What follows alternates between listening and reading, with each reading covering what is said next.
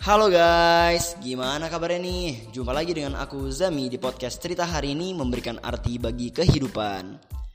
Aku mau cerita nih, tapi sebelumnya kalian pada tahu gak sih tanggal 2 Oktober diperingati sebagai hari apa? Hmm, nggak tahu ya? Oke oke, aku kasih tahu deh ya. Jadi, tanggal 2 Oktober itu diperingati sebagai Hari Anti Kekerasan Internasional.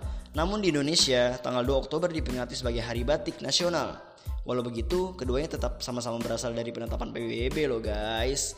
2 Oktober sebagai Hari Anti Kekerasan Internasional diambil dari tanggal lahir Mahatma Gandhi, sang pemimpin kemerdekaan India yang memiliki keyakinan melawan tanpa kekerasan atau ahimsa. Nah, menurut resolusi Majelis Umum PBB pada 15 Juni 2007, Hari Anti Kekerasan Internasional diresmikan demi menyebarkan pesan anti kekerasan melalui pendidikan serta penyadaran publik.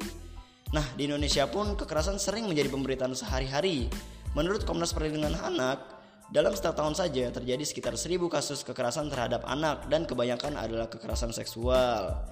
Dan juga masih banyak lagi kasus kekerasan yang hingga kini belum jelas penyelesaiannya.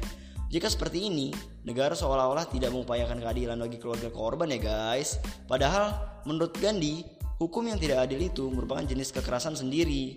Hmm, menurut kalian gimana nih guys?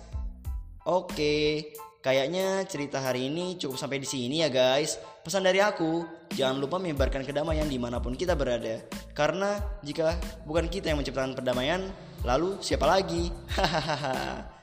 Oke, sampai ketemu di cerita-cerita berikutnya ya guys. See you.